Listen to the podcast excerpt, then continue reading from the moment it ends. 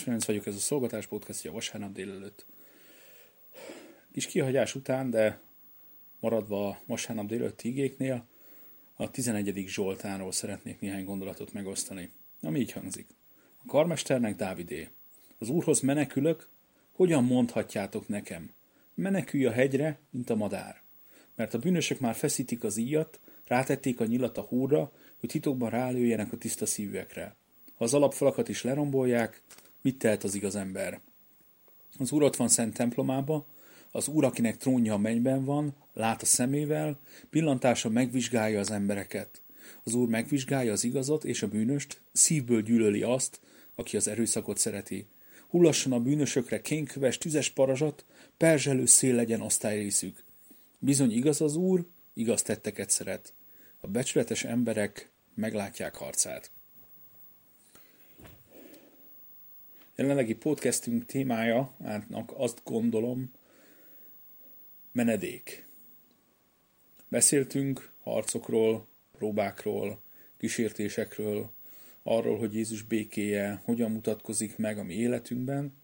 A mai alkalommal pedig arról szeretnék beszélni, hogy ki a menedéked. Ki, akihez menekülsz, ki az, akihez fordulsz, honnan várod a segítséget a harcban, a kísértésben, a próbában, és minden olyan nehéz helyzetben, amiben az életedbe belekerülsz. A Zsoltáros nagyon egyértelműen beszél arról, hogy mint hívember tudja, egyértelmű a válasz, hogy neki menekülnie, az Úrhoz kell menekülnie. De mégsem ilyen egyszerű. Mert az emberek nem ezt mondják. Az emberek azt mondják, hogy menekülj a hegyre. Menekülj, mint a madár. Menekülj el abból a helyzetből, amiben benne vagy. Bíz valaki másban, mint az élő Isten. Bíz valami másban, mint az élő Isten. És ez nagyon sokszor megkísérti a hívembert, megkísérti a mi életünket, hogy mi valóban másban bízunk, másban reménykedjünk. Anyagiakban, emberekben, kitartásunkban, álhatatosságunkban, sikerünkben, valakiben, akiben támogat. De Isten igé arról beszél, és a Zsoltáros egyértelműen beszél, a hívember Istenhez menekül, minden helyzetben, minden nehézségben, és tőle várja a segítséget. De nem csupán arról van szó, hogy nehéz helyzetbe kerül a hívember, hanem itt arról beszél a Zsoltáros, hogy mi van akkor, amikor támadás éri a hívembert. Mi van akkor, hova kell menekülnie, amikor támadások érik. És Zsoltáros érdekes gondolatmenetben és gondolatritmusban fejezi ki magát, ahogy egyre mélyíti azokat a helyzeteket, amiben a hívő ember belekerülhet, amiben az Isten embere benne van, de azt mondja, mert a bűnösök már feszítik az íjat, rátették a nyilat a húra, még nem történt semmi, még nincsen nagy probléma, de már valaki tervezi a támadást ellenem. És azt mondja, hogy titokban rálőjenek a tiszta szívűekre. Hogy már eltervezték magukban, hogy már készítik azt, hogy a hívő ember ellen tegyenek valamit. És utána a következő pont, ami ugye már tovább van, azt mondja, ha az alapfalakat is lerombolják, mit tett az igaz ember? És a Zsoltáros arról beszél, hogy a próbának, a nehézségnek, a támadásnak fokozatai vannak. Van, amikor még csak tervezik a támadást a hívő ember ellen. Van, amikor benne vagyunk a támadásban, amikor támadják az életünket. És valamikor már olyan nagy a baj, hogy az alapfalakat rombolják.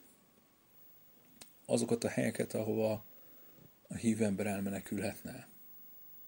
A társadalom alapfalait, a gyülekezet alapfalait, a család alapfalait.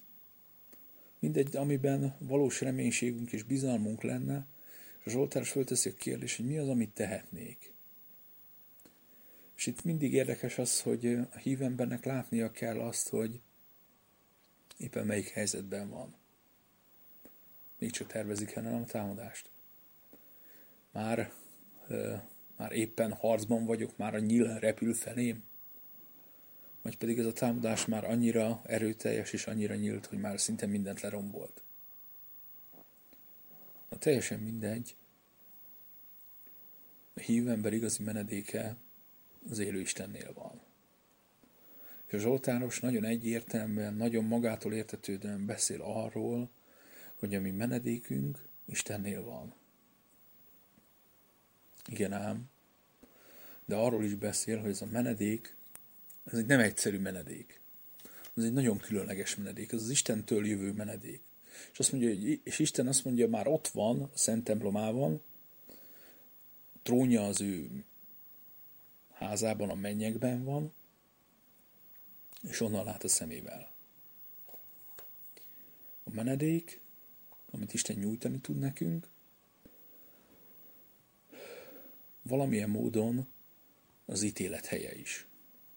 Az ítélet háza. Az Úr temploma nem csak azért van jelen az ember életében, hogy valahova menedékként fusson. A gyülekezet, Isten népe menedék az emberek számára. Nem csupán menedék, és Zsoltáros erről is beszél, hanem az ítélet háza is az ember életében. És ezt, ez, amit szükséges jól megértenünk, hogy mit gondolok ezen. De nagyon sokszor talán azt tapasztalják valóban az emberek, hogy a gyülekezet, Isten népe, Isten háza, az ítélet háza, ahol megítélgetik az embert, ahol nem tudunk elég jók lenni, ahol nem tudunk elég megfelelőek lenni.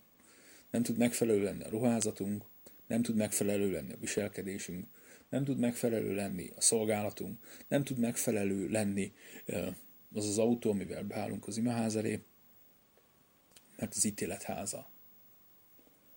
De itt egészen másról szól. Isten igaz ítéletet mond. Hogy olvassuk? Az Úr lát szemével, pillantáson megvizsgálja az embereket. Az Úr megvizsgálja az igazat és a bűnöst, szívből gyűlöli azt, aki az erőszakot szereti. Az Isten ítélete egészen más, mint az ember ítélete. Az ember ítélete az egy pillanat alatt megvan. Ránézek valakire, és megvan az ítélet, hogy ő milyen ember. És ezen ő már nem tud változtatni. Ránézek valaki, és azt mondja, ez ilyen és ilyen, és, és onnan, onnan már semmilyen változás nincs. És ezzel szemben az Isten ítélete pedig azt mondja, lát az Úr az ő szemével, a mennyekből lát, mindent lát, mindent tapasztal, mindent tud, beletekint a mi életünkben, neki elég lenne egy pillantás, és a szívünk miért látja. A Zsoltás azt mondja, az Úr ítélet az olyan, hogy figyel bennünket, nézi az életünket, figyeli a cselekedeteinket, figyeli a szívünket, vizsgálja az életünket, és utána mond ítéletet. És ez azért fontos a számunkra, mert az Isten ítélete, Isten helyes ítélete nélkül a mi életünk az elveszne. Aki magát ítéli meg, soha nem esne ítélet alá. A hívő ember az úrházában nem csak menedékért fut, hanem azért, hogy helyesen ítélve legyen az életem. Uram, vizsgáld meg otamat, vizsgáld meg szívemet, vizsgáld meg gondolataimat. Ne felületesen, ne egy pillanat alatt, hanem nézd végig, lásd meg a szándékaimat. És vizsgáld meg, és ítélj meg. És a te ítéleted szükséges ahhoz, hogy én valósan tudjak változtatni a magam életén. És nagyon sokszor a gyülekezet ezt felejti el, hogy ezt nem tudjuk tökéletesen tenni, hogy arra mutassunk rá, hogy az Isten ítéletét kell kérnünk a magunk életére. Uram, nézz végig az életemen. Vizsgáld meg azt. Vizsgáld meg, hogy milyen vagyok. Hogy tudjak változtatni. Mert nem emberi elvárásoknak akarok megfelelni, nem emberi elvárásoknak akarom az alatt tudni az életemet, hanem azt szeretném, hogy te vizsgálj meg. Mert akkor a jó irányba tudom változtatni az életemet a te segítségeddel. Azt mondja, hogy ő az, aki az igaz tetteket szereti. Becsületes emberek meglátják az arcát. Milyen? Isten háza, menedék, de az ítélet háza is. De erre az ítéletre szükségünk van, mert különben az történik, amint amit olvasunk az első részében a Zsoltának. Gonoszok már készítik a nyilat, és nem fognak megállni ott, hogy meghúzzák, hanem le fognak rombolni mindent. Akár az alapfalakig. Hogy mint kapnak rá lehetőséget. azt meg fogják tenni. És ebből a szemszögből fogjuk megérteni azt, hogy miért mond, és miért vár a Zsoltáros ilyen kőkemény ítéletet az élő Istentől. Miért gondolja azt? Mert azt mondja, hogy a gonosz nem fog megállni annyiban, hogy megtámadja az én. A gonosz nem fog annyival megelégedni, hogy az én életem retör, hanem amit megtehet, azt meg fogja tenni. És épp ezért Istennek az ítéletére van szükségünk ahhoz, hogy, hogy a gonoszt megállítsa. Hogy az emberek megértsék azt, hogy Isten uralkodik. Nem csak a Szent templomában, hanem a mennyekben, ahol teljes uralma alatt tart mindent. És nagyon nagy szükségünk van arra, hogy ez az ítélet, ez néha valóban és valósan megtörténjen. És ez félelmetes a mi szemünkben, mert pontosan tudjuk, hogy az Isten ítélete az kemény és igazságos lesz, és az az én életemet is meg fogja, számon fogja kérni. De enélkül nem tudok menedékbe jutni. Ha nem vállalom és nem kérem azt, hogy Uram, vizsgáld meg az életemet. Ítéld meg az életemet, hogy neked tetszően tudjak élni. Isten akkor tud menedékké válni. És ez itt most nem a kegyelemmel szemben szól, hanem arról szól, hogy Isten pontosan tudja, és pontosan azért, azért tud kegyelmes lenni hozzánk, mert ítéletet tud végrehajtani az emberi élet fölött. Az ő ítélete kegyelem akar lenni. De ahhoz nekünk hozzá kell menekülni, ahhoz nekünk mi életünket le kell tenni előtte, és engednünk kell azt, hogy ő, ő ítélje meg. Uram, látod az életemet, hibáimat, bűneimet és vétkeimet. Nem akarom takargatni, mert sokkal rosszabb, az az utolsó ítéletkor derül ki. Mert akkor már nem tudok tenni semmit. Isten, mi menedékünk, de ő is mond ítéletet a mi életünk fölött.